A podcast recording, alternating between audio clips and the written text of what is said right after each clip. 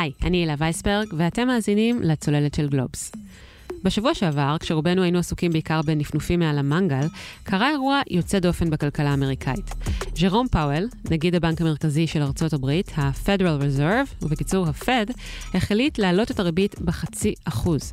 קצב העלאת הריבית בחצי אחוז במקום ברבע, כפי שקורה בדרך כלל, הוא זה שהפך את העניין לחריג יחסית.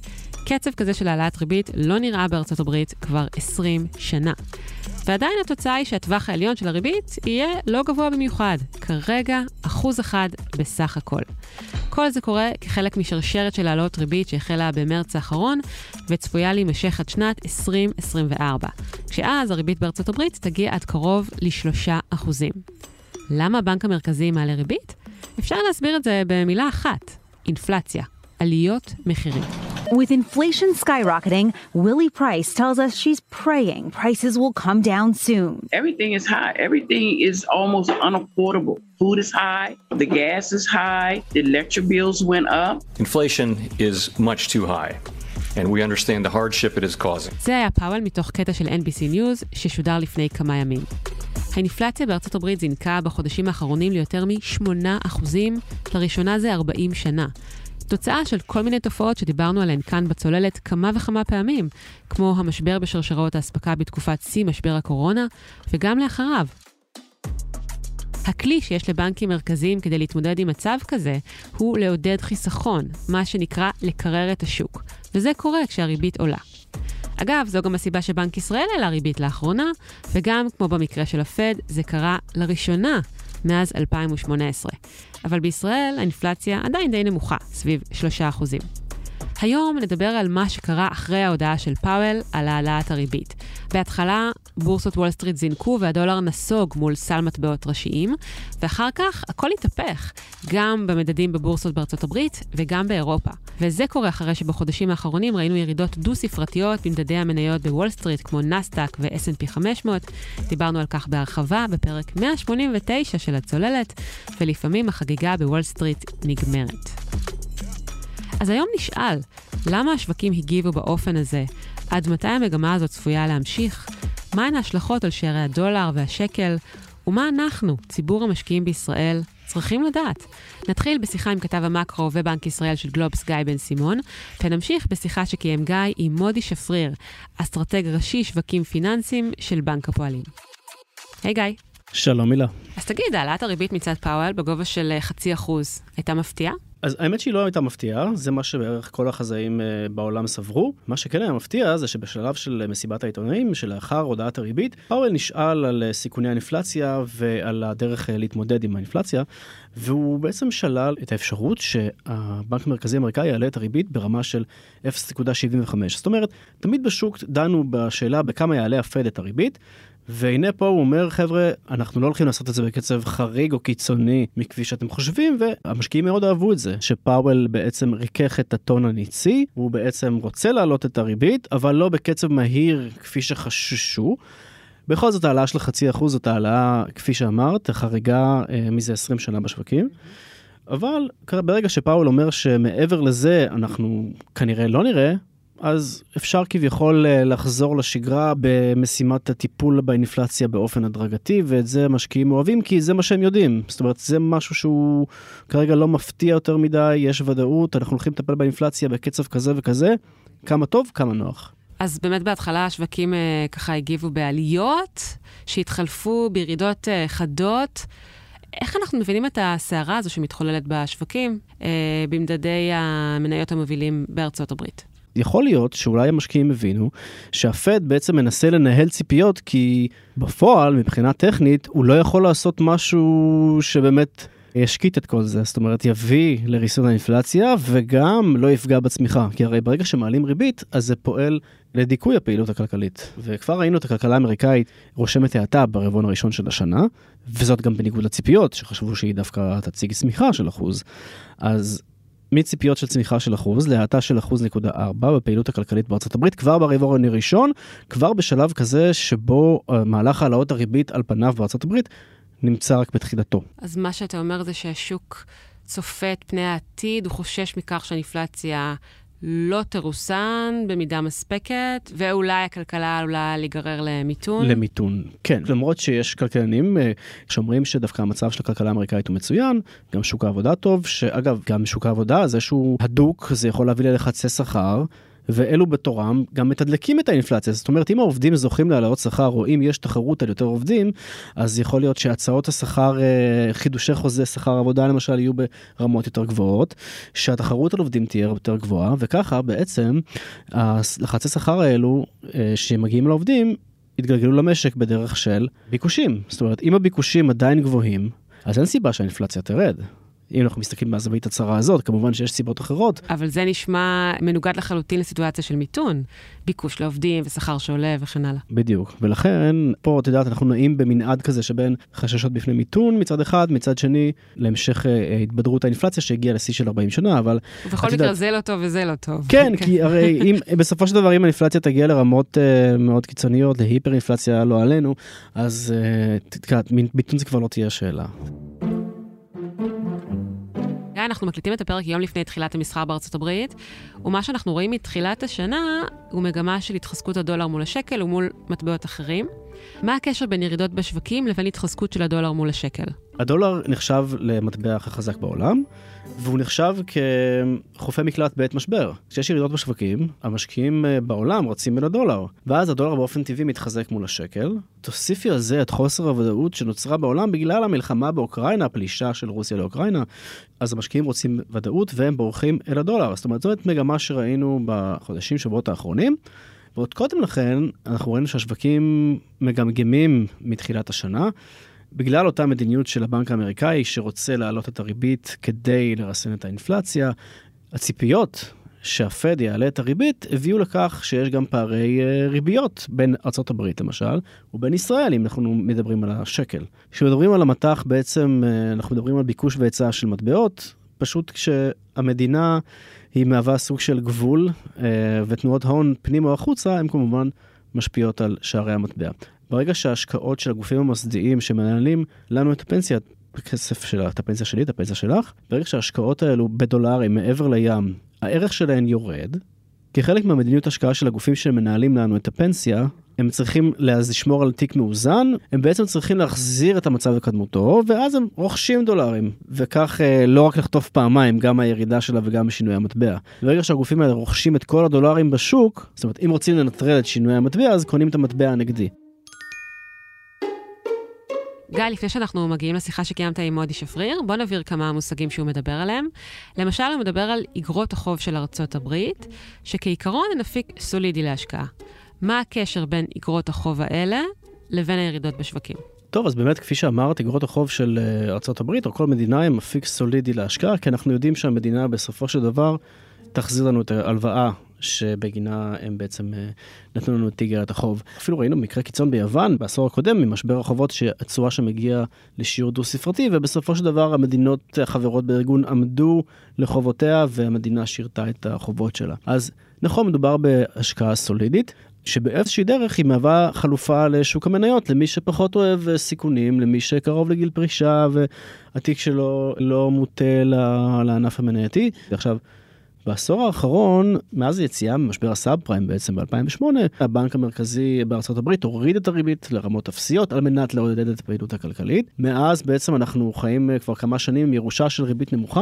ובתקופה הזו, באקלים הזה, האפיק הזה בכלל לא פופולרי. אז בסוף השבוע האחרון, עם הודעת הריבית של ארה"ב, התשואות של אגרות החוב האמריקאיות עלו לרמות אה, של 3.2 אה, אחוזים. וזאת רמה שהיא נחשבת פתאום טוב, אולי אה, זה לא כזה רע בהתחשב במה שמחכה לנו מעבר לפינה, אינפלציה, מלחמות, חוסר ודאות לגבי סין, אז אולי לא רע לשים את הכסף ולקבל ריבית כזאת על פני שוק המניות. פה יש איזה סוג של חלופה שיכולה להיות אה, מעניינת למי שמחפש קצת סולידיות בתקופה כזאת. טוב, אז מודי ידבר על כך שבעצם מדובר באפיק שהיה אה, הפסדי עד כה, אבל אולי בעתיד יחזור להיות אה, אטרקטיבי. בואו נשמע עכשיו את השיחה עם מודי ונחזור לסכם בסיום.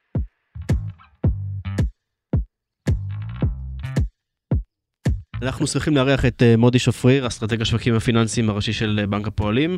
מה שלומך מודי? מצוין, תודה רבה, מה נשמע? אה, בסדר גמור, תשמע, אנחנו נמצאים אחרי הודעת הריבית בארצות הברית.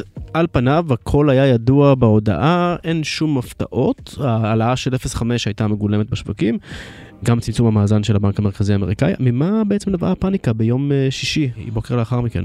אה, אני חושב שזה על רקע ההבנה של השווקים, שבניגוד למגמה בעשור האחרון ובכלל גם בעשורים הקודמים, בסייקל העלאות הריבית הנוכחי, הפד פחות יכול לתמוך בשווקים. זאת אומרת, אין את הפוט פד שהיינו רגילים אליו בעשור האחרון במיוחד, זה פשוט בגלל ש... אם ניקח לדוגמה את הסייקל להעלאות הריבית האחרון משנת 2006, אז אז הפד העלה את הריבית בצורה מאוד הדרגתית. אה, והוא רצה לשמור על השוק, והוא אמר, אני רוצה לא לפגוע בשווקים יותר מדי. אה, והוא יכל לעשות את זה, כי בזמנו הוא העלה את הריבית כשהאינפלציה הייתה אפילו מתחת ליעד, מתחת לשני אחוז. זה בסייקל העלאות הריבית הקודם. עכשיו, בסייקל הנוכחי, האינפלציה היא הבעיה העיקרית של הפד. ואז הפד נמצא כאן בדילמה, כי הוא אומר מצד אחד אני לא רוצה לפגוע בשווקים, כי השווקים יכולים לפגוע בצריכה הפרטית ובכלכלה. מצד שני, אם אני לא אעלה את הריבית מהר לרמה מרסנת, אז עצם העובדה שהאינפלציה היא כל כך גבוהה, עצם זה כבר פוגע בצריכה הפרטית ובכלכלה. אז בעצם הוא צריך להגיע לרמה של הוא מוצא אה, ריבית שבה כולם על פניו מרגישים נוח, בוא נקרא לה אה, בשפה המקצועית הריבית הניטרלית, שבה הוא גם אה, מרסן את האינפלציה מצד אחד, אבל מצד שני הוא, הוא לא פוגע בצמיחה. אתה מסכים עם ההנחה הזאת? אז זה באמת השאיפה, העניין הוא שגם הפד מבין שבגלל שהאינפלציה כרגע היא כל כך גבוהה, וחלק גדול מזה נובע מצד ההיצע, מצד הסחורות, מצד השיבושים בשרשרות האספקה, אבל חלק בגדול מזה ספציפית בארצות הברית גם נובע מצד הביקוש. אה, שוק דיור חם, שוק שכירויות, עלייה, עלייה חדה במשכורות, בשכר, שוק עבודה מאוד מאוד חם. אז הפד מבין שעלייה לרמת הריבית הניטרלית, שזה באזור ה-2.5 אחוזים, לא תספיק בארצות הברית, והוא מבין שצריך להעלות את הריבית לרמה מרסנת, כלומר תרסן את הפעילות הכלכלית.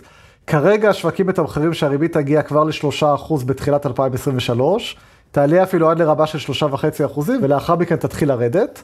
זה כרגע מה שמתומחר על ידי השווקים. אז זה מתכתב לנו לאלטרנטיבות השקעה אה, בעולם, אה, בעולם כזה שבו אה, אולי שוק אגרות החוב עשוי להיות יותר מעניין בגלל העלאות הריבית.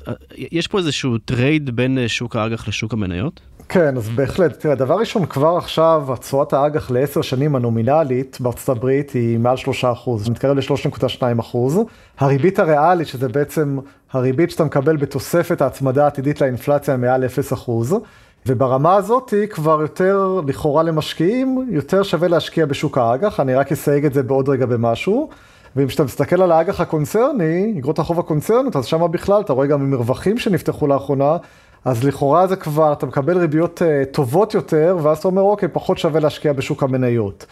במה אני אסייג? אני אסייג שכרגע גם בשוק האג"ח פחות, uh, בוא נגיד, המשקיעים בשוק האג"ח הפסידו הרבה מאוד כסף בתחילת השנה, כי אמנם בסופו של דבר, אם הם ירכשו אג"ח מסוים, נגיד של ממשלה, ובעצם תגיע לפדיון, אז הם יקבלו כל שנה את הריבית המסוימת, אבל בינתיים, ב mark to market, התשואה מאוד מאוד עלתה מתחילת השנה והמחירים מאוד מאוד ירדו, ולכן גם מי שמשקיע בשוק האג"ח כרגע הפסיד כסף. אז בואי ננסה רגע לפשט לציבור שבעצם רוב כספי הפנסיה הסולידיים שלו מושקעים בשוק אגרות החוב. מה זה אומר בעצם? מה ההשפעה של הריבית על, ה, על השוק הזה מבחינת אה, המשקיע שמרבית כספי הפנסיה שלו נמצאים באפיק שנחשב פעם לפחות סולידי? דבר ראשון, ברמה המתמטית, בגדול, כשתשואת אג"ח עולה, אז המחיר שלה יורד. תחשוב על איך שאתה כרגע בא ואתה אומר, אני מוכן להלוות לממשלת ארצות הברית בתחילת 2022, לעשר שנים, וכל שנה היא תחזיר לי אה, אחוז וחצי נומינלי. זה מי שהלווה לארצות הברית בעצם קנה את איגרת החוב. בתחילת 2022 הוא הלווה לממשלת ארצות הברית לעשר שנים, כל שנה בריבית של אחוז וחצי. מאז הריבית מאוד מאוד עלתה, התשואות מאוד מאוד עלו. כבר לרמה של מעל שלושה אחוז. זאת אומרת, אם אותו משקיע יבוא היום וילווה הברית לעשר שנים, הוא יקבל כל שנה בממוצע כמעט 3.2 אחוז. אז זה רק הגיוני שאותו משקיע שקנה בתחילת 2022 באחוז וחצי, הפסיד כסף, הפסיד הרבה כסף באופן יחסי, הפסיד את האחוז וחצי כפול השנים לפדיון בגדול. זאת אומרת שיש פה סוג של פעולה הפוכה, אם uh, בשנה שעברה, לפני שנתיים, הבנק המרכזי uh, הוריד את הריבית uh, לרמה אפסית על מנת לעודד הוצאה של כספים מהחסכונות לשוק המניות או לכלכלה, אז פה יש פה תהליך הפוך בגדול. בגדול כן, הבנק המרכזי מעוניין להעלות את הריבית על מנת להגדיל את החסכונות, למתן את הכלכלה המתחממת, את לחצי האינפלציה. שבסופו של דבר המטרה שלו זה להוריד את האינפלציה לרמה ממוצעת של 2% בשנה, והיות ואנחנו כרגע נמצאים ב-8.5% אינפלציה, לא בכדי השווקים מתמחרים שהריבית שעלתה עכשיו לאחוז אחד, תמשיך לעלות לאזור ה-3% לפחות כבר בשנה הקרובה. זאת אומרת, מלאכתו עוד רבה ומרחב הטעות שלו אה, רחב, למעשה כבר אפשר לומר שהתגובה של המשקיעים בשוק היא חוסר אמון במה שהפד משדר? אה, אני לא יודע אם זה חוסר אמון, כי זו מילה, בוא נגיד ככה, דרמטית להגיד על הפד. כשהמשקיעים ממש לא יאמינו בפד, אז המצב יהיה כאן הרבה יותר גרוע, אבל אין ספק שהפד בשנה האחרונה, כשהוא בא ואמר כל הזמן, בשנת 2021 וגם בסוף 2021, חברים, האינפלציה זמנית, הכל בסדר, אנחנו לא מתכוונים כמעט להעלות את הריבית, ולאחר מכן הוא שינה דיסקט כמעט ב-180 מעלות בתחילת 2022, אין ספק שהדבר הזה פגע באמינות שלו, ואין ספק שהשווקים גם הגיבו לכך, עוד פעם, בעקבות עליית הריבית הריאלית גם, שמאתגרת את שוקי המניות. כרגע ציפיות האינפלציה בארצות הברית, שמסתכלים קדימה, אוקיי, שזה מדד, המדד עד כמה מאמינים לפד, הן גבוהות יחסית. הן לא יצאו לגמרי משליטה, אבל הן גבוהות יחסית, והפד מעוניין להוריד אותן בחזרה לאזור ה-2%. אני רק אסביר, היעד של הפד, יש לו שני יעדים. יעד אחד זה תעסוקה מלאה, שכרגע עומד בה יפה, ויעד שני זה אינפלציה ביעד, שזה אינפלציה של 2% בממוצע. כאן, כמו שאנחנו יודעים, הפד ממש לא עומד, אבל הוא מסתכל קדימה ואומר, אוקיי, אני רוצה לפחות להוריד ציפיות האינפלציה, שהשווקים יאמינו לי, שהם לאזור ה-2%. כרגע אנחנו לא נמצאים שם. מצד שני, אנחנו גם לא נמצאים ציפיות אינפלציה של 8%. ציפיות לעשר שנים באזור ה-3% פלוס מינוס, זאת אומרת שהפד עוד יש לו עבודה כאן כדי להוריד בחזרה את הציפיות לרבה שיגידו, אוקיי, בטווח קדימה, בשנים הקרובות, תחזור לעבוד ביעד שלך. אתה רואה לדעתך אה, סיכוי אה, גבוה להתפתחות של משבר? הרי אמרנו שלפד אין בעצם אה, הרבה כלים במצב הזה שהוא מנסה להילחם באינפלציה, וראינו גם את מדד הנסטק רחוק כבר 24% מהשיא שלו. אה, מדד ה-S&P כבר סגר שבוע חמישי של, אה, ברציפות של ירידות. המצב נראה לא משהו בלשון המעטה. אז בוא נחלק את זה. המצב כרגע בארצות הברית נראה מצוין דרך אגב. עזוב את שוקי המניות. ברמת הכלכלה הריאלית בארצות הברית, שוק העבודה, אבטלה ברמת שפל, ביקוש מטורף לעובדים, עליות חדות. דרך אגב, גם בישראל משהו דומה, פחות קצת, אבל גם דומה. אה, הכלכלה גם כן, אמנם הנתון הרשמי הצביע על התכווצות ברבעון הראשון, אבל תכלס הכלכלה האמריקאית עדיין כרגע במצב טוב. החשש של השוק בין היתר זה מה יקרה ב-2023, אוקיי? מה יקרה קדימה, תמיד השווקים מסתכלים קדימה והרבה. וההבנה שהפד הולך לעלות הריבית לרמה מרסנת, בשילוב עם עליית האינפלציה, בשילוב עם כל הבלגן שיש לנו בשרשרות האספקה בעולם, בין אם זה בגלל המלחמה בין רוסיה לאוקראינה, בין אם זה בגלל סין, אה, אז כל הדברים האלה בהחלט אה, מגבירים את ההסתברות לכך שהכלכלה האמריקאית, לא יודע אם תיכנס למשבר, אבל תיכנס כן למיתון, תגלוש למיתון בנגיד סוף 2023, אה, וזה בהחלט משהו שמתחילים לתמחר אותו בשוק, זה אחת הסיבות לירידות בשוקי המניות. בוא ניגע בזווית הישראלית. בנק ישראל צופה העלאות ריבית אה, גם בישראל, אמנם בקצב הדרגתי יותר, כך שעוד שנה תהיה הריבית בישראל ברמה של 1.5. האם לדעתך משהו השתנה בהמשך אה, להתפתחויות בארצות הברית? לא, לא חושב שמשהו השתנה בהתייחסות של בנק ישראל, אני חושב שבנק ישראל, כמו שאמרת, וכמו שבנק ישראל ציין גם בהודעה האחרונה, אה, יעלה את הריבית בהחלטות הקרובות, אבל בשיעור מתון יותר. אם בארצות הברית היא תעלה ב-50 basis point, אז בארץ היא תעלה ב-0.25 אחוז. ככה שפערי הריביות בין ארצות הברית לבין ישראל ייפתחו. זה דרך אגב אחת הסיבות שגרמו להיחלשות השקל בתקופה האחרונה. אבל אני חושב שבנק ישראל כרגע בתוואי של העלות ריבית, האינפלציה גם בישראל כרגע בשנה האחרונה היא מעל היעד, אמנם הרבה פחות מאשר בארצות הברית, היא שלושה וחצי אחוזים, אבל היא מעל היעד. כרגע זה נראה שגם בתמיכת מה שקורה בארצות הברית, גם באירופה שהולכים בקרוב להתחיל לעלות הריבית, בבריטניה, במדינות רבות בעולם אחרות, גם בנק ישראל ימשיך בהעלאות ריבית, אבל בצורה אה, הרבה יותר הדרגתית מאשר בארצות הברית, כי כאן פחות לחוץ להעלות הריבית בצורה אה, כל כך חדה כמו שצפוי בארצות הברית. אוקיי, okay, אז אולי אה, משהו שקשור לשוק המטח יגרום לנו לשנות את דעתו? כי ראינו שהדולר התחזק בחדות, בין היתר בגלל פערי הריביות אה, שציינת אותנו, אבל יש גם עוד נושא שגורם לשינוי המטבע. ראינו את זה בקורלציה בין אה, מדד הנסדק האמריקאי לדולר שקל. תוכל להרחיב על זה טיפה? כן, אז כמה סיבות הובילו להתחזקות של, ה... בעצם להיחלשות השקל ולהתחזקות של הדולר כנגד השקל. דבר ראשון זה הדולר בעולם. הדולר בעולם, אוקיי, עלה לרמתו הגבוהה ביותר ב-20 השנים האחרונות. אז שמן הסתם כשהדולר בעולם עולה לרמתו הגבוהה ביותר ב-20 השנים האחרונות, אז הוא גם מתחזק כנגד השקל. סיבה שנייה, כמו שציינת, זה ירידות אה, בשוקי המניות. ישנה קורלציה הפוכה מאוד מאוד גבוהה בין שוקי המניות לדולר שקל. ראינו את זה בשנים האחרונות שהשקל התחזק ושוקי המניות עלו, ועכשיו להפך. זה נובע בגדול בעיקר מפעילות הגופים המוסדיים פה בישראל. אה, כשגופים מוסדיים בישראל, כשהשווקים בחו"ל עולים, אוטומטית החשיפה שלהם למטח עולה, כי משקיעים המון בחו"ל, וכשהם לא רוצים להגדיל עוד יותר את החשיפה, אז הם מוכרים מטח, ולכן כשהשווקים עולים, לרוב השקל מתחזק, כי בעצם מוכרים מטח והשקל מתחזק. נהפוך הוא כשהשווקים יורדים בחדות. כשהשווקים יורדים בחדות, אז חלק מהחשיפה של הגופים המוסדיים לשווקים בחו"ל הם באמצעות אה, חוזים. וכשהשווקים יורדים בחדות, אז צריכים בעצם להגדיל את הביטחונות. ולהגדיל את הביטחונות זה רוכשים דולרים, ובעצם וגורמים לעלייה של הדולר כנגד השקל. האם זה יגרום לבנק ישראל לשנות משהו? אה, זו שאלה מצוינת, בוא נגיד זה מעלה את לחצי האינפלציה הדבר הזה. מצד שני, אנחנו צריכים לראות מה קורה בצד ההיצע בעולם. אם נרצה לסכם את ההשפעה של שערי המטח על האינפלציה, אפשר לומר שלשינויי מטבע יש גם השפעה על מיתון האינפלציה, אבל זה לא משהו שאפשר לראות בטווח הקרוב. בוא נגיד ככה, בשנים האחרונות הייתי מאוד בפוזיציה של לונג על השקל לאורך הרבה מאוד זמן, בגלל הכוחות הבסיסיים שתומכים בשקל חזק, שבהם זה בעיקר מאזן התשלומים, העודף הכספים שנכנס לישראל על פני הכסף שיוצא, תעשיית ההייטק המאוד חזקה, ואני חושב שבטווח הארוך השקל יחזור להתחזק כנגד סל המטבעות. יחד עם זאת, לקראת שנת 2022 המלצתי לגשת, בעצם להחזיק בפוזיציה ניטרלית יותר בשוק המטח, בגלל הציפייה אחד להעלאת ריבית חדה יחסית בארצות הברית ובגלל הציפייה לתעודתיות בשווקים.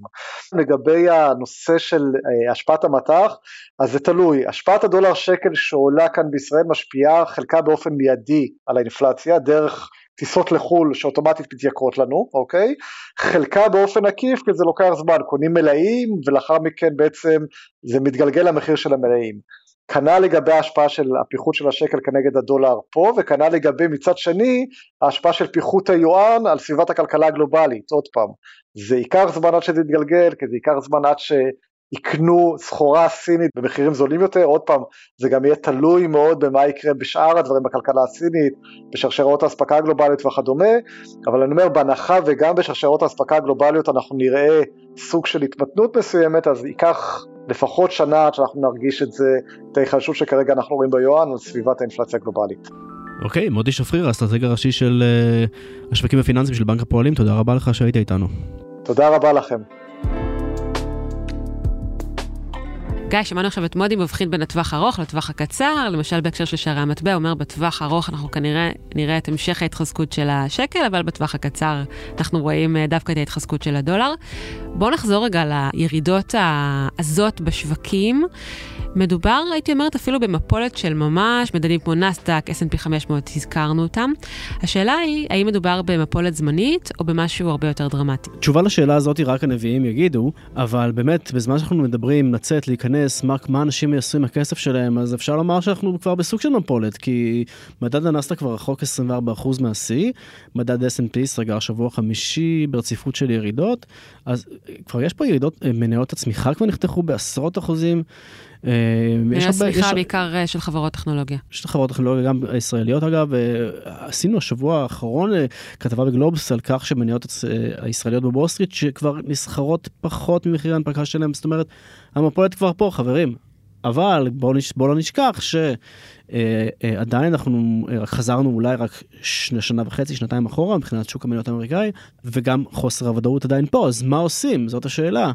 יש משפט ידוע שאומר uh, שיש uh, דם ברחובות זה הזמן לקנות, את יודעת, יש גם, ראינו גם המלצות קנייה של כמה מבתי השקעות היום, גם כתבנו את זה אצלנו באתר, אבל אולי יותר חשוב זה אנשים צריכים לשאול את עצמם מה המטרה של ההשקעות שלהם, לאיזה טווח זמן, כי סביר להניח שבטווח הארוך אה, הסיפור הזה יהיה כמו אפיזודה חולפת, וגם... כמו מרבית האפיזודות, כן, שאין אפיזודות כן, חולפות, והשוק אה, עולה בטווח. הארוך של 5-10 שנים וכן הלאה. ואף אחד לא יצלצל בפעמון להגיד לכולם לעלות בחזרה. אבל הרבה אנשים כן שואלים את עצמם בכל זאת, האם אנחנו נראה המשך אה, של ירידות חדות, האם לברוח מהשווקים עכשיו? או, אז את יודעת, זו נקודה מעניינת, כי בניגוד להרבה משברים, שבדרך כלל זה נובע מברבור שחור שמופיע פתאום, ו... ואנחנו לא איזשהו יודעים מאיפה זה אלמנט בא, שלא כן, צפינו אותו. פתאום נגיף שגורם לך לפחד לגעת במעלית או בידית של הדלת היו אה, של ימים, הכניסה, גיא. היו ימים, ו... לא ו- כל כך מזמן. לא כל כך מזמן, כבר הספקנו לשכוח, אבל בסין זה אגב אה, מה שקורה. נכון. אז, אז אפילו גם בזה אה, עסקנו אה, בפרק של הצוללת ממש לא מזמן. לא אבודים. בשנגחאי, תקשיבו. אז בניגוד באמת למשברים קודמים, הפעם אנחנו די כאילו יודעים מה, מאיפה הסיכון, אינפלציה, זה התגובה של המדיניות של הבנק האמריקאי היא זו שתכתיב את המצב בשווקים, וגם מעבר למדיניות, אלא באמת האם יקנו את הדברים האלו שהוא משדר, והאם האמינות שלו תיפגע, זה הכל תלוי נתונים, תלוי, הרי אתה יודע, תמיד אומרים בדיעבד, הפד פספס את התחזיות שלו, והפד אה, לא פגע באינפלציה שם, ולא, אז גם עכשיו שהוא אומר, אנחנו שללנו מהשולחן ריבית, אה, העלאת ריבית חדה יותר, זה לא אומר בהכרח שזה לא יקרה בחודש הבא, או חודשיים, שלושה, זאת אומרת. עיקר החששות עדיין פה, שזה האינפלציה והריסון של האינפלציה, שתביא להתייקרות הריבית באופן מהיר מהצפוי, ויחד עם זאת אה, התייקרות מחיר הכסף בעצם, שזה אומר אה, הרבה להרבה אנשים. ואיך זה נוגע בנו, הישראלים, אם בכלל? טוב, אז בעצם זה, כמובן זה מתייחס כמובן לבנקים האחרים בעולם, מה שהבנק האמריקאי עושה בדרך כלל משליך על יתר הבנקים המרכזיים בעולם. פה בישראל, בנק ישראל נהנה כרגע מפערי הריביות. אם פעם בשנה שעברה הוא פעל בשוק המטח על מנת להחליש את השקל כדי לא לפגוע ביצואנים, אז כרגע פערי הריביות עושות בשבילו את העבודה, אז הכל בסדר כרגע מבחינת בנק ישראל, האינפלציה גם היא אז חורגת אומנם, יוצאים כן. נשכרים מה- מהמצב היצואנים הקיים. וכל מי שמקבל את משכורתו בדולרים די נהנה כרגע מהמצב, מלבד הירידות בתיקי הפנסיה, כן? או... אבל כן, מבחינת שוק המטח הוא נהנה מהזווית הזאת שהדולר מתחזק. כל מי שמקבל את השכר שלו בדולרים ומשלם בשקלים יכול להגיד תודה, כי בשנה שעברה זה המצב היה הפוך. אז... אה, וגם, כפי שציינו אה, בפרק שעשינו לא מזמן על העלאת הריבית כאן בישראל, כל מי שיש לו משכנתה צריך להתכונן לכך שהריבית תמשיך ותעלה, וככל הנראה המשכנתאות וגם שאר ההלוואות עלולות להתייקר. אז זה עוד דבר שאנחנו עלולים לראות לפנינו. כן, יכול להיות שנראה כותרות, אה, גם בארצות הברית אגב, כבר בחלק מהפורומים, איך מבצעים השקעה נגד שוק הדיור האמריקאי וכל מיני דברים כאלה של אנשים כבר מנסים לצפות קדימה מה יהיה. בוא נראה. זה סיפור שמתפתח כמובן, גם מעבר לים, גם פה אצלנו. כרגיל, נמשיך ונעקוב. נמשיך ונעקוב. תודה רבה, גיא. תודה רבה, הילה.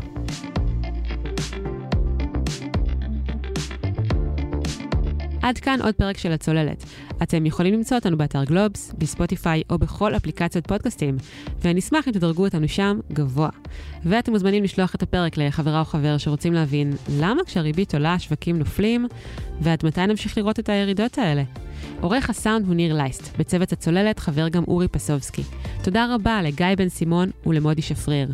ותודה לכולכם שהאזנתם. אני הילה וייסברג, נתראה בפעם הבאה. ביי ביי.